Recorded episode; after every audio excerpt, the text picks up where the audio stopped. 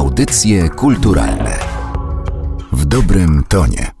Przed mikrofonem Magdalena Miszewska. Zapraszam na kolejny odcinek audycji kulturalnych. Dziś spróbujemy razem z moim gościem zrobić syntezę ostatnich 100 lat w polskim komiksie, bo rok 2019 jest dla tego gatunku rokiem w Polsce jubileuszowym, a moim gościem jest znawca tematu Mateusz Szlachtycz. Cześć. Dzień dobry, cześć. Ale chciałem powiedzieć, że bardziej spróbujemy niż zrobimy tą syntezę. W ogóle sięganie do historii komiksu też może być już pewnym wyzwaniem, bo niektórzy doszukują się pradziadów komiksu w rysunkach naskalnych, w jaskiniach, które wszyscy znamy z lekcji historii, ale my chyba nie będziemy grzebać aż tak daleko, żeby szukać znaczy, to jest też taki temat, e, pionierów. Można powiedzieć, że to jest taki temat już akademicki, chociaż właściwie można powiedzieć, że jest mi to tyle bliskie, że ja właśnie no, jakoś tam mam coś wspólnego teraz z systemem akademickim, bo robię doktorat i tutaj pozdrawiam serdecznie mojego promotora e, Jerzego Szyłaka, jeżeli można oczywiście. A będzie słuchał i sprawdzał, czy No mam nadzieję, że, mam, mam nadzieję, że w razie zawsze takie miłe słowa, jakoś to jest dobra energia, bo uważam, że jest fantastycznym gościem. Właśnie ostatnio zresztą Jerzy Szyłak podczas takiej konferencji, w której braliśmy razem udział z okazji stulecia komiksu podczas y, komiksowej Warszawy na Stadionie Narodowym, to właśnie miał referat na temat, gdzie się komiks kończy i gdzie się zaczyna. I można naprawdę na ten temat mnóstwo pisać i tam deliberować, no ale myślę jednak, że nas najbardziej interesuje ten aspekt tego komiksu, gdzie jest ta akcja właśnie jakoś tam w jakiejś konsekwencji w kolejnych kadrach i są do tego dymki. Bądź też tekst może być obok, ale myślę, że tak najprościej rzecz ujmując, to wystarczy jakbyśmy poprzestali na takim ustawieniu, że to jest właśnie komiks. Ale ten pierwszy polski komiks, on nie miał jeszcze dymków. Rzeczywiście nie miał, ale y, nie dymki stanowią o tym, że coś jest komiksem. Natomiast rzeczywiście z dymkami y, dopiero właśnie w czasach PRL-u się zaczęło robić tak y, całkiem zabawnie, bo władze uznały, że jeżeli dymki się pojawiają w jakiejś opowieści graficznej, to właśnie jest to ten amerykański komiks i na taki komiks nie było absolutnie zgody. Ale to sięgnijmy jeszcze do tej historii, żeby zacząć tę naszą próbę syntezy e, jakoś e, od samego początku, czyli który komiks w Polsce był tym pierwszym polskim komiksem? Znaczy mówimy o roku 1919, czyli właśnie wtedy, kiedy Polska odzyskała niepodległość, więc tak to się śmiesznie składa. Ja tak pytam o to dlatego, że właśnie można sięgnąć jeszcze trochę do historii i końcówkę XIX wieku też uznać e, poniekąd za początki polskiego komiksu. No mówię, po prostu można się doszukiwać, natomiast ja szczerze mówiąc, prapoczątki komiksu to nie jest jakby ten obszar mojego takiego głównego zainteresowania, bo po prostu te komiksy wtedy były słabe, nudne i właśnie one są bardziej dla jakichś takich um, specjalistów właśnie takich jak Adam Rusek, który znakomicie już kilka książek e, o tym napisał. Natomiast mnie on osobiście słabo interesuje, w związku z czym ja się tak e, umiarkowanie na ten temat e, wypowiadam. No na pewno najciekawsze to, co powstało w tym przedwojennym komiksie polskim, to jest Koziołek Matołek. Z tym, że to już są lata 30. i to jest rzeczywiście taki nasz no, ponadczasowy po prostu superbohater komiksowy. Taka właśnie emblematyczna postać dla komiksu. Oczywiście niektórzy znowuż mówią, że tam nie ma dymku, więc to nie jest komiks, czy też nazywają to parakomiksem, ale myślę, że swobodnie możemy to nazwać, znaczy ja to nazywam na pewno, że to jest komiks. To dla porządku tylko jeszcze zaznaczmy, że ten komiks e, międzywojenny, który w Polsce powstawał, był ściśle związany z prasą. Zgadza się i też właściwie w dużej mierze to w ogóle były przedruki zachodnich komiksów. Ten rynek komiksowy przedwojenny był naprawdę e, bardzo lichy. Jeżeli chodzi w ogóle o popularność komiksu, on był umiarkowanie popularny w porównaniu z tym, jak na przykład w Stanach w tym czasie już funkcjonował komiks i był on mniej więcej, myślę, na takim poziomie jak polskie kino przedwojenne. Niektórzy to uwielbiają oczywiście, ale no nie jest to jakaś specjalnie e, wyrafinowana sztuka. Ja tu mam styczność e, prawie zerową z tym komiksem e, polskim międzywojennym, ale zainteresowały mnie przygody bezrobotnego Franka, który mieszkał na Śląsku. Ja myślę, że to może być coś ciekawego, chociaż na oczy jeszcze tego nie widziałam, ale... No ale właśnie też jest ważne to, że już są wydawcy, którzy właśnie zajmują się, między innymi wydawnictwo Ongryz, czy też wydawnictwo komiksowe, zdaje się też tak, e, wznawia te stare pierwsze komiksy, także możemy je dzisiaj bez problemu kupić i znakomicie skorygowane graficznie, po prostu w świetnej jakości. Także te komiksy na szczęście już są łatwo dostępne, ogólnie dostępne. To przechodzimy może w takim razie do tych e, bardziej współczesnych komiksów, które możemy obejrzeć e, na oczy. Ja przyniosłam tutaj ze sobą kilka swoich zupełnie losowo wybranych spółki komiksów, które mają posłużyć potem do zrobienia zdjęcia, ale wspomniałeś, że to jest ciekawy eksperyment moment, żeby sprawdzić, co w polskim domu e, na półce z komiksami stoi. No więc właśnie. I teraz, jeżeli patrzymy na tą półkę, no to jednak ten e, komiks perelowski jest tutaj bardzo silnie obecny i właściwie mamy tutaj i Tadeusza Baranowskiego, absolutnego klasyka właśnie polskiego komiksu, zresztą co istotne, twórcę cały czas aktywnego. On tam pomimo jakichś swoich takich zapowiedzi, że już kończy absolutnie z komiksem i już wyłącznie się poświęca malarstwu, to na szczęście jednak znowu się jakoś e, złamał i tworzy kolejny album komiksowy. Fruwaczki chyba. Tak, tak. I to jest absolutnie, uważam, to będzie kolejne wielkie wydarzenie. I też właśnie to pokazuje, jak ci twórcy właśnie z czasów PRL-u, no tego dzisiaj takiego deprecjonowanego i takiego właściwie, że tam się prawie nic fajnego nie działo. No więc jeżeli chodzi o komiks, to się działo mnóstwo. No i to jest z kolei taki obszar, gdzie się głównie jakby koncentruje swoją uwagę. To jest właśnie czas PRL-u i złota era polskiego komiksu. Ale zanim ona nastąpiła, no to jeszcze był ten taki trudny czas dla komiksu, czyli właśnie te czasy stalinizmu tuż po wojnie, kiedy komiksy no właściwie zostały bardzo mocno wycięte w ogóle z przestrzeni takiej właśnie prasowej, czy też wydawniczej. I to było oczywiście związane w ogóle z pewnym procesem, który miał miejsce, że właśnie w miarę jak ten system tej Polski komunistycznej tak coraz bardziej tam jakby krzepł i coraz bardziej właściwie stawał się takim systemem zamordystycznym, no czyli właśnie stalinowskim.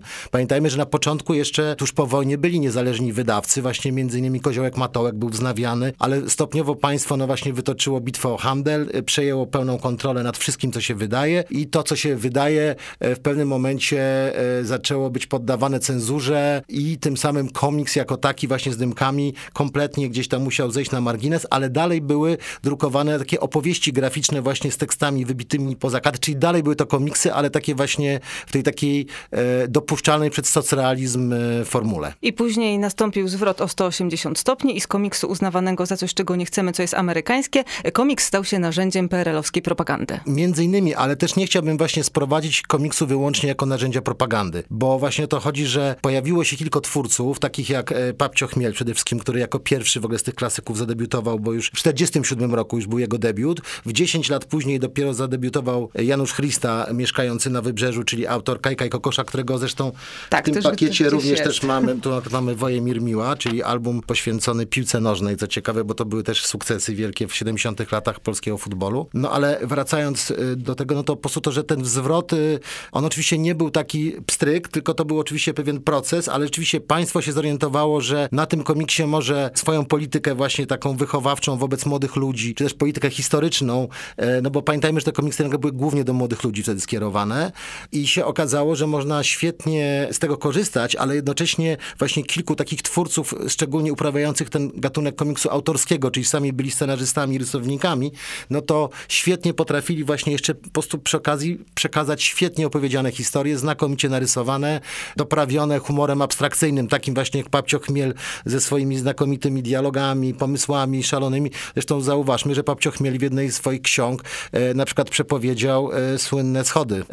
to to już fani zrozumiał. Razie, powiedzmy, dużo antycypował Papcio Chmiel. Również właśnie Tadeusz Baranowski. Poziom jego absurdu i takiego eskapizmu od tych realiów był no, przepotężny, a jednocześnie potrafił też tam przemycić pewne nawiązania do współczesności. Także to był pewien rodzaj gry, który podjęli właśnie twórcy komiksowi wtedy z cenzurą i znakomicie po prostu w tej grze się znajdowali, no ale generalnie w ogóle sztuka, uważam, polska była ciekawsza właśnie poprzez to, że trzeba było ograć tą cenzurę i to korzystnie wpływało na jakiś taki ciężar gatunkowy i wyrafinowanie tego, co się podaje. A pod względem kreski, czy jest tak, że jakiś komiks możemy wyróżnić? Bo mi się wydaje, że Janosik jest e, rysowany na tle epoki wyjątkowo. O, może to to słowo, no to są wręcz psychodeliczne. Tak, tak. Znaczy, no na. Pewno e, e, komiks Janosi, który w ogóle właśnie był już w tym nurcie, kiedy już złota era polskiego komiksu stała się faktem, bo to są lata 70., kiedy on był wydawany. Więc komiks Janosik był e, rysowany przez profesora Jerzego Skarżyńskiego.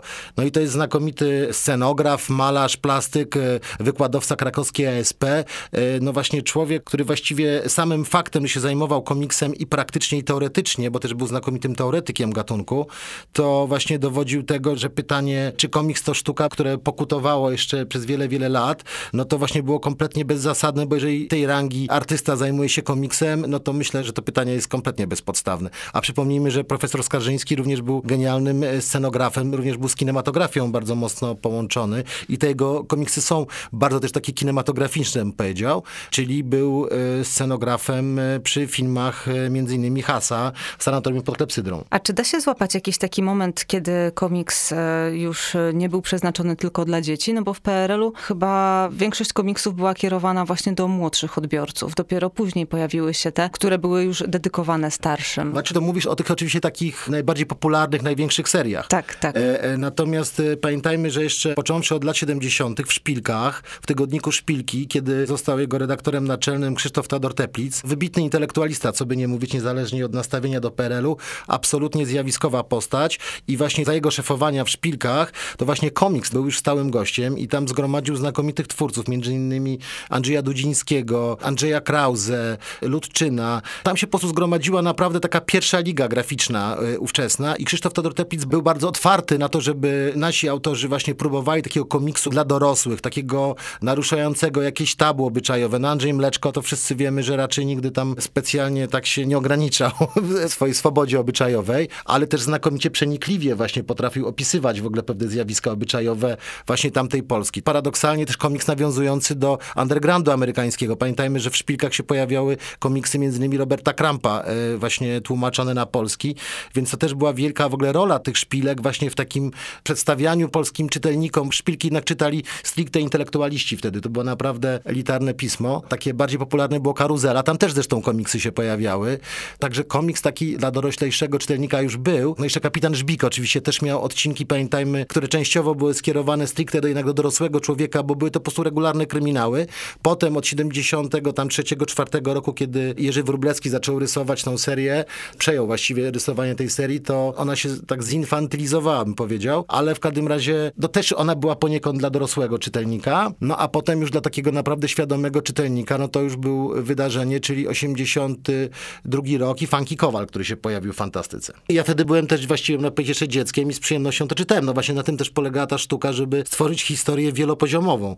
To są najlepsze serie komiksowe, jeżeli właśnie autorom e, udaje się stworzyć dzieło, które będzie uniwersalne. No i wtedy rzeczywiście takich bohaterów się udawało stworzyć. Dzisiejszy polski komiks, już mam wrażenie, jest taki bardziej hermetyczny niestety, że to jest albo dzieci, albo ktoś tam, albo ktoś tam. Już nie mamy takich bohaterów, którzy by byli tak uniwersalni. No tutaj przychodzi mi do głowy Łauma KRL-a, która była pisana z myślą o odbiorcach w jego wieku, a okazało się, że trafiła do dzieci i dzieci bardzo ją e, polubiły. Ale zostańmy jeszcze w tych czasach PRL-u, jeszcze magazyny komiksowe.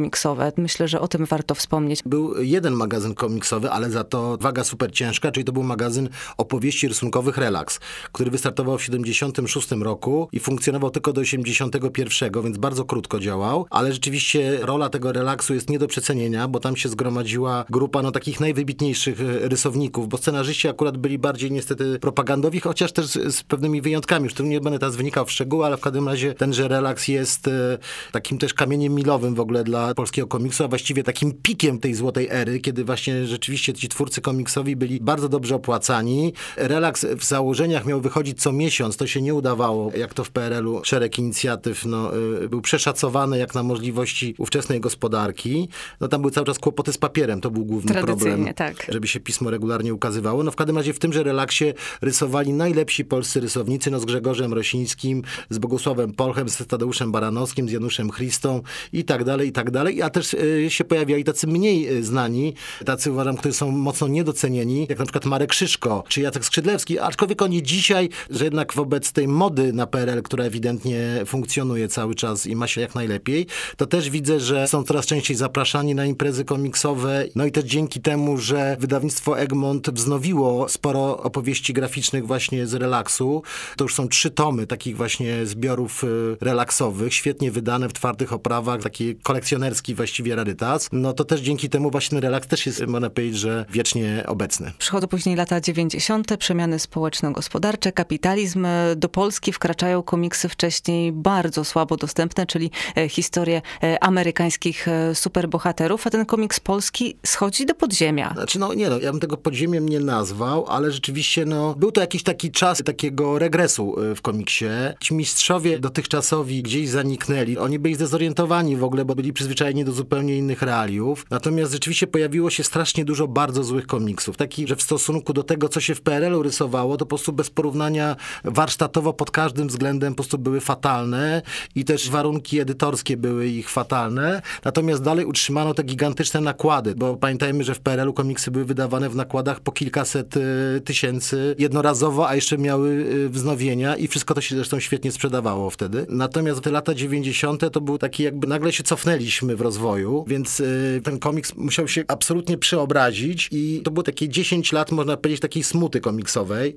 Oczywiście coś tam się działo, były jakieś w ogóle y, też bardzo ciekawe inicjatywy, takie jak tam, nie wiem, magazyn Boom komiksowy, cudownie, absolutnie realizowany, ale ważne też jednak było to, że cały czas y, środowisko się jakoś tam integrowało, że cały czas był ten festiwal komiksowy w Łodzi organizowany, były kolejne imprezy, więc bardziej ten komiks tak pod względem jakby rynku wydawniczego miał taki wyraźny kryzys. Natomiast jeżeli chodzi o ten aspekt taki właśnie ludzki, środowiskowy, to to wszystko y, były pewne procesy, które prowadziły do tego, że dzisiaj już jest całkiem nieźle. Jeżeli chodzi o to, co wtedy kupowali tacy zwyczajni ludzie niezainteresowani tematem, to ja mogę chyba e, na podstawie e, mojego dzieciństwa, które przypadło właśnie na lata 90., e, zgadywać, co tam do polskich domów trafiało i poza tymi komiksami, które zostały z czasów e, PRL-u, no to Kaczor Donald, Asterix i Obelix to są te komiksy, które, No, które ja mam. To jest właśnie to, o czym mówisz, to właśnie dotykamy teraz sprawy, że skoro polski komiks się znalazł w takiej defensywie, no to tym samym stworzyło się miejsce do ekspansji tej zachodniej popkultury. Te Ale, ale właśnie, co byś postawił, że co się wydarzyło najpierw? Najpierw stracił na znaczeniu polski komiks i wtedy weszły te amerykańskie, czy jednak przez to, że te amerykańskie historie, o których być może sporo osób marzyło w czasie PRL-u, a nie miało do nich dostępu,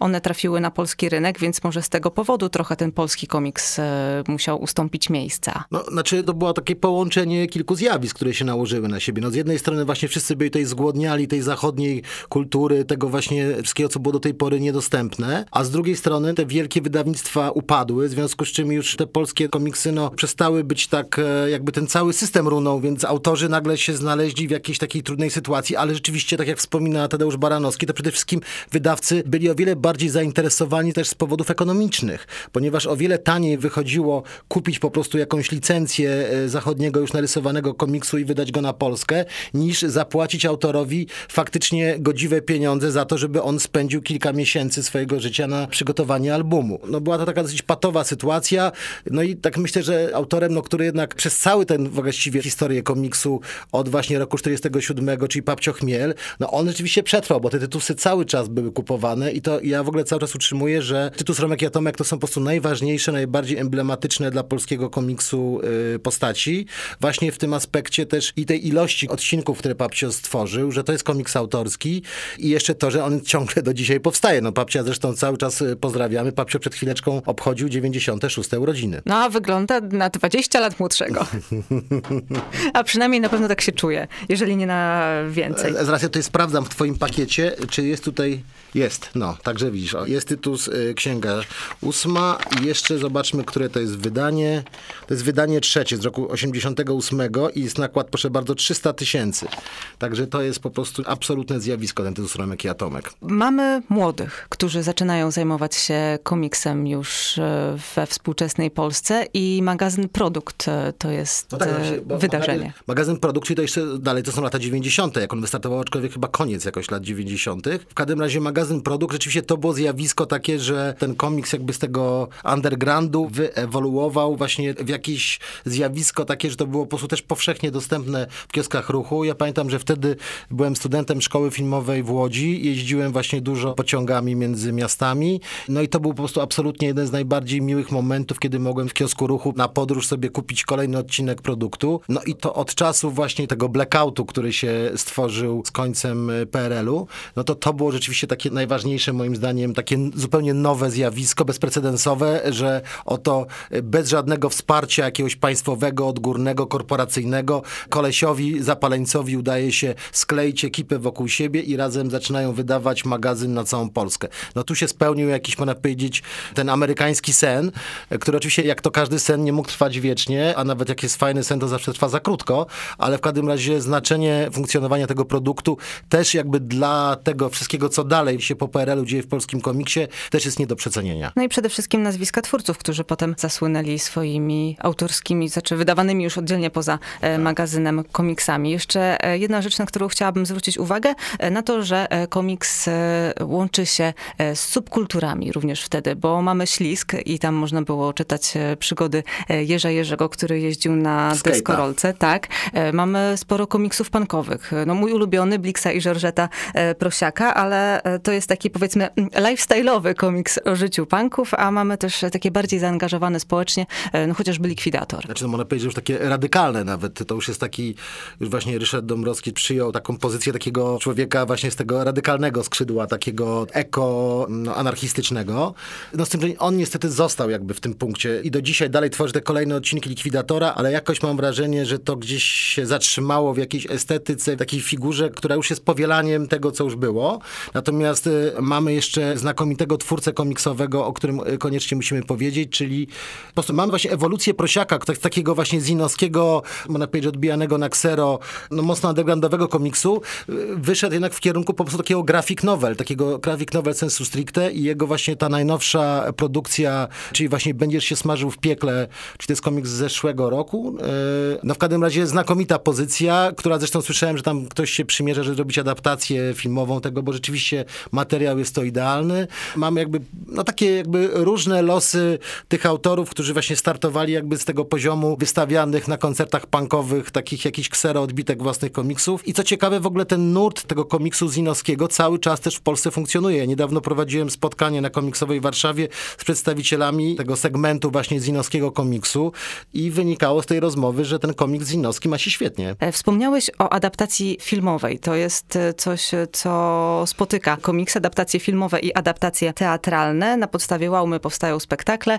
Ja byłam kiedyś na spektaklu, który opowiadał o przygodach Kajka i Kokosza. Jeżeli chodzi o filmy, to jest sfilmowany Jerz Jerzy i tutaj mamy nieco inne opinie na temat tej produkcji. Ona była bardzo mocno krytykowana. Ja ją przyjęłam taką, jaka po prostu ona jest i może zbyt dużo od niej też nie wymagałam, ale Tadeusz Baranowski, on ciągle chyba ten film jeszcze powstaje. Ja już nie wiem na jakim etapie e, jest teraz ta historia związana z przygodami profesorka Nerwosolka. Znaczy, powiedzmy w ten sposób, że Tadeusz Baranowski, on nie jest bezpośrednio... E, znaczy tak, na podstawie jego komiksu tak, powstaje tak, on, on oczywiście e, jakoś tam, jakoś tam wspiera autorów, ale to jest studio Human Arc, gdzie właśnie jest ten rdzeń twórców. Zresztą w tym studio pracuje mnóstwo właśnie znakomitych rysowników komiksowych, bo tam jest taka komórka taka komiksowa współczesna się zrobiła, czyli tam jest Lew Leśniak, między innymi właśnie Michał Śledziński, Wojtek Wawrzyk, który zadebiutował w zeszłym roku znakomitym komiksem graphic novel, takim bardzo autotematycznym, Pan Żarówka. Więc tam się teraz kumuluje też ta komiksowa moc, która właśnie e, znajduje idealne przełożenie na filmy, głównie na razie animowane, ale właściwie ciągle teraz czekamy na to, kiedy się pojawi adaptacja właśnie komiksu taka e, aktorska, czy też łącząca techniki właśnie animacji z żywymi aktorami. Na polskiego Marvela. Akurat właśnie na to raczej bym nie liczył, że coś takiego w Polsce będzie miało miejsce, natomiast najprędzej właśnie takim filmem, który ma szansę e, już tak być e, gotowy do zobaczenia, to będzie ta adaptacja właśnie Łaumy. No podobno już tam to parę lat trwa. Już wydawałoby się, że to już chyba powinno jakoś za chwilę nawet być gotowe, ale szczerze mówiąc nie znam takich bieżących jakichś informacji, no ale wiem, że tam są już jakieś zaangażowane prace. Natomiast uważam, że ciągle polski komiks no jeszcze właśnie się nie doczekał jakiejś takiej e, naprawdę udanej adaptacji filmowej, bo kiedy mieliśmy adaptację Tytusa Romka i Atomka, chyba Leszek Gładysz to przygotował, no to była bardzo nieudana niestety adaptacja. Z Kajkiem i Kokoszem były już próby na jakieś takie krótkie formy powstały, ale chociaż teraz słyszałem, że podobno się bardzo to ruszyło jakoś. No powstają nowe historie. To znaczy to, że powstają nowe historie komiksowe, to raz właśnie już po śmierci autora, no w końcu wydawnictwo Egmont i Fundacja Kreska Janusza Chris. Pierwsze te kontynuacje komiksu Kajko i Kokosz powstały, natomiast jeżeli chodzi o film, to zdaje się, ja coś słyszałem, taki serial ma być, y, ale to właśnie jest tyle tych sprzecznych informacji, że tak naprawdę do momentu, dopóki ja już nie będę miał informacji, że ten film będzie, już jest gotowy do premiery, albo najlepiej już ma premierę, e, no to właściwie nic tu nie jest pewnego. Ale w razie ciągle czekamy na jakąś taką naprawdę dobrą adaptację filmową komiksu. I też tutaj y, tacy autorzy tej adaptacji, filmowcy, stoją na takim rozdrożu, tak, bo pytanie jest na ile zrobić film, który po prostu ma być tym samym komiksem, który był już wydrukowany i który jakąś popularność zdobył. I to ma być w wersji filmowej, czy też jednak ma być to coś autonomicznego? I na ile jednak ma opowiadać o czymś istotnym, czyli ma być jednak jakimś takim dziełem znaczącym, a na ile głównie maszynką do robienia pieniędzy właśnie, żeby się podpiąć pod popularność jakiejś postaci. Oczywiście mnie to skrzydło interesuje to takie bardziej właśnie z przekazem jakimś związanym. No ja bardzo liczę na adaptację też Wilka, na komiks Wilku, choć jest to dosyć hermetyczna postać i raczej nie dla dzieci. I jeszcze jedno bardzo istotne, jeżeli mowa o współczesnym komiksie, że coraz więcej twórczyń tutaj e, się w Polsce pojawia i nawet e, wydana była już jedna antologia komiksu tworzonego przez e, kobiety, bo w czasach PRL-u to chyba była tylko Charlotta Paweł. Zresztą gdzieś jakiś ten komiks jej tutaj też gdzieś tak, tak, przed jest, nami jest, leży. Czyli, czyli przygody Jonki, Jonka i Kleksa. Tak. I jeszcze tam była też znakomita postać Kubuś Piekielny. Tak, rzeczywiście w czasach PRL-u właściwie mieliśmy tylko jedną twórczynię komiksową, ale też właśnie uprawiającą komiks autorski. Natomiast y, teraz sytuacja rzeczywiście się po prostu, można powiedzieć, że demaskulinizuje, tak, polski rynek komiksowy, bo rzeczywiście jest coraz więcej kobiet i to też kobiet, które właśnie uprawiają komiks autorski. No głównie są to pozycje takie autotematyczne i to też jest zrozumiałe, że szczególnie jeżeli się uprawia grafik novel, czyli właśnie, no są to raczej komiksy niekomercyjne, takie właśnie jakieś takie rodzaje wiwisekcji, jakieś takie autobiograficzne. No i tutaj właśnie między innymi przede mną tutaj leży komiks Anny Krztoń Weź się w garść. Ja go co prawda jeszcze nie czytałem, ale w każdym razie no jest to po prostu solidne grafik novel, bardzo ładnie wydane. I nagradzane też. I nagradzane i rzeczywiście tak jak się kartkuje się patrzy jakby na ten graficzny look, to jest po prostu taki poziom właśnie takiego frankofońskiego komiksu grafik nowelowego i no po prostu wygląda to absolutnie zawodowo. I co ciekawe, jest to w ogóle ten taki linia wydawnicza, wydawnictwa komiksowego, które zdaje się niestety się zamyka, co mnie bardzo martwi. Nowy komiks polski właśnie. I to jest rzeczywiście bardzo z dużą szkodą niestety zamknięcie tego wydawnictwa, ale myślę, że za chwilę się pojawią kolejni wydawcy, zresztą mamy wydawnictwo też Timo, w które się też właśnie specjalizuje w polskich twórcach, mamy też Kulturę Gniewu, także już dzisiaj polski twórca komiksowy, który miałby coś do zaproponowania, a najlepiej już gotowy komiks, który chciałby wydać, no już ma do kogo pójść i rzeczywiście pieniędzy z tego pewnie nie będzie miał wielkich, ale na pewno ma szansę mieć świetnie wydany album, ma szansę, żeby ten album był przetłumaczony na języki, no i ma szansę, żeby po prostu zafunkcjonować jako twórca komiksowy i ta sytuacja jest właściwie teraz bardzo dynamiczna. Ja jestem bardzo ciekaw, jaki teraz kolejny punkt nas czeka. No chciałoby się, żeby po prostu teraz te nakłady tych komiksów, zwłaszcza tych właśnie niekomercyjnych, że to już wydawałoby się, że jest ten czas, kiedy one powinny zacząć rosnąć, żeby wyjść z tego poziomu tam 2-3 tysiące, jednak na kilka tysięcy, bo uważam, że w takim kraju tej wielkości jak Polska absolutnie tutaj są jakby duże rezerwy, tylko po prostu ludziom trzeba uświadomić, ile jest znakomitych pozycji w komiksie i że tak naprawdę już w tej chwili każdy właściwie, czy też no prawie każdy, przynajmniej ktoś, kto nie jest jakby tak chorobliwie negatywnie nastawiony do medium komiksowego, powinien znaleźć dla siebie jakąś ciekawą pozycję. No tak, bo tematyka jest e, przeróżna. Można czytać e, komiksy o wrestlerach w kosmosie, można czytać komiksy o lechitach w kosmosie, można czytać komiksy o różnych bohaterach, niekoniecznie w kosmosie, ale też takie w cudzysłowie bardziej poważne tematy związane z e, właśnie przepracowywaniem, czy to jakichś swoich problemów własnych, czy też historii po prostu. Mamy też na przykład komiks poetycki w ogóle, co ciekawe teraz, taki reportażowo-poetycki, ponieważ Krzysztof Ławronkiewicz właśnie, no też już taki no, klasyk komiksu, myślę, że nie trzeba go przedstawiać, e, właśnie od jakiegoś czasu nawiązał współpracę z Michałem Kalickim i stworzyli dwie arcyciekawe pozycje komiksowe, Beneficio i Zwrotnik Panny. Znakomite pozycje, polecam. Bardzo ciekawie właśnie rysowane w taki właśnie impresyjny sposób przez Gawronkiewicza. No można powiedzieć, że to jest taka jakby Lin Claire, ale taka właśnie na gorąco łapane jakieś takie chwile i to jest no absolutnie jakaś taka nowa jakość, to polecam e, wszystkim. Także po prostu no, to, co powiedzieliśmy, jakby uświadamia właśnie ile i jak bardzo różnorodna jest dzisiaj ta oferta, no, że właściwie każdy sobie coś ciekawego może znaleźć. No, z takich ciekawostek formalnych to może warto wspomnieć też e, o wywiadzie graficznym z Pablo Pawo, który ukazał się kilka lat temu i zamykając tę rozmowę w końcu, bo tu można by rozmawiać i rozmawiać i na przykład komiks internetowy to jest temat, którego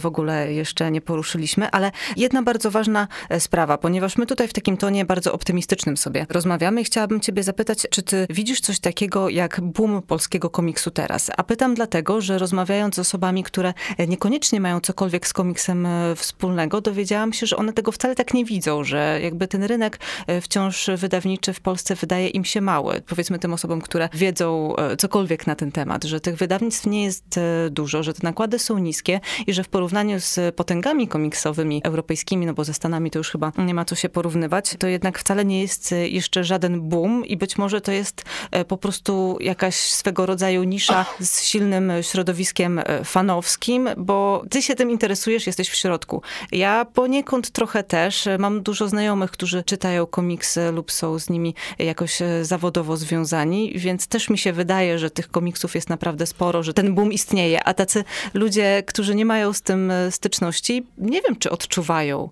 że mamy boom komiksów. Czy to jest takie bardzo powszechne, czy tylko nam się tak wydaje? No ja myślę, że jeżeli ktoś właśnie chciałby zweryfikować e, status obecny komiksu i tego, czy ten rynek przeżywa teraz y, dobry czy zły czas, no to przecież wystarczy się przejść właśnie na komiksową Warszawę, która towarzyszy targom książki w stanie narodowym i tuż przy wejściu jest olbrzymia strefa komiksu, gdzie tych wydawców już jest kilkudziesięciu, którzy się tam wystawiają. Jeszcze do niedawna było kilku, kilkunastu, dzisiaj jest kilkudziesięciu. Prestiżowe wydawnictwa, takie stricte książkowe jak Znak również zaczynają wypuszczać komiksy. Wydawnictwo Marginesy uruchomiło na przykład teraz cały label komiksowy właśnie, nad którym teraz pieczę będzie sprawować Szymon Holzman. Także to są wszystko, myślę, że raczej takie twarde argumenty za tym, że naprawdę się dobrze dzieje na tym rynku i jest coraz więcej. Oczywiście słabą stroną są nakłady, wysokość tych nakładów, ale jeżeli chodzi o ofertę, o ilość wydawców i o jakość tego, jak to jest wydawane, to jest uważam absolutnie boom. Czyli jednak. Czyli, Czyli jednak, czyli jednak boom. To my zapraszamy też do odwiedzania e, księgarni. Tam można sobie zerknąć, e, czy na półkach tych komiksów sporo jest, albo do odwiedzania festiwali komiksowych i do czytania komiksów. To na pewno zachęcamy. Tak jest. Dziękuję bardzo. Dziękuję bardzo. Audycje kulturalne w dobrym tonie.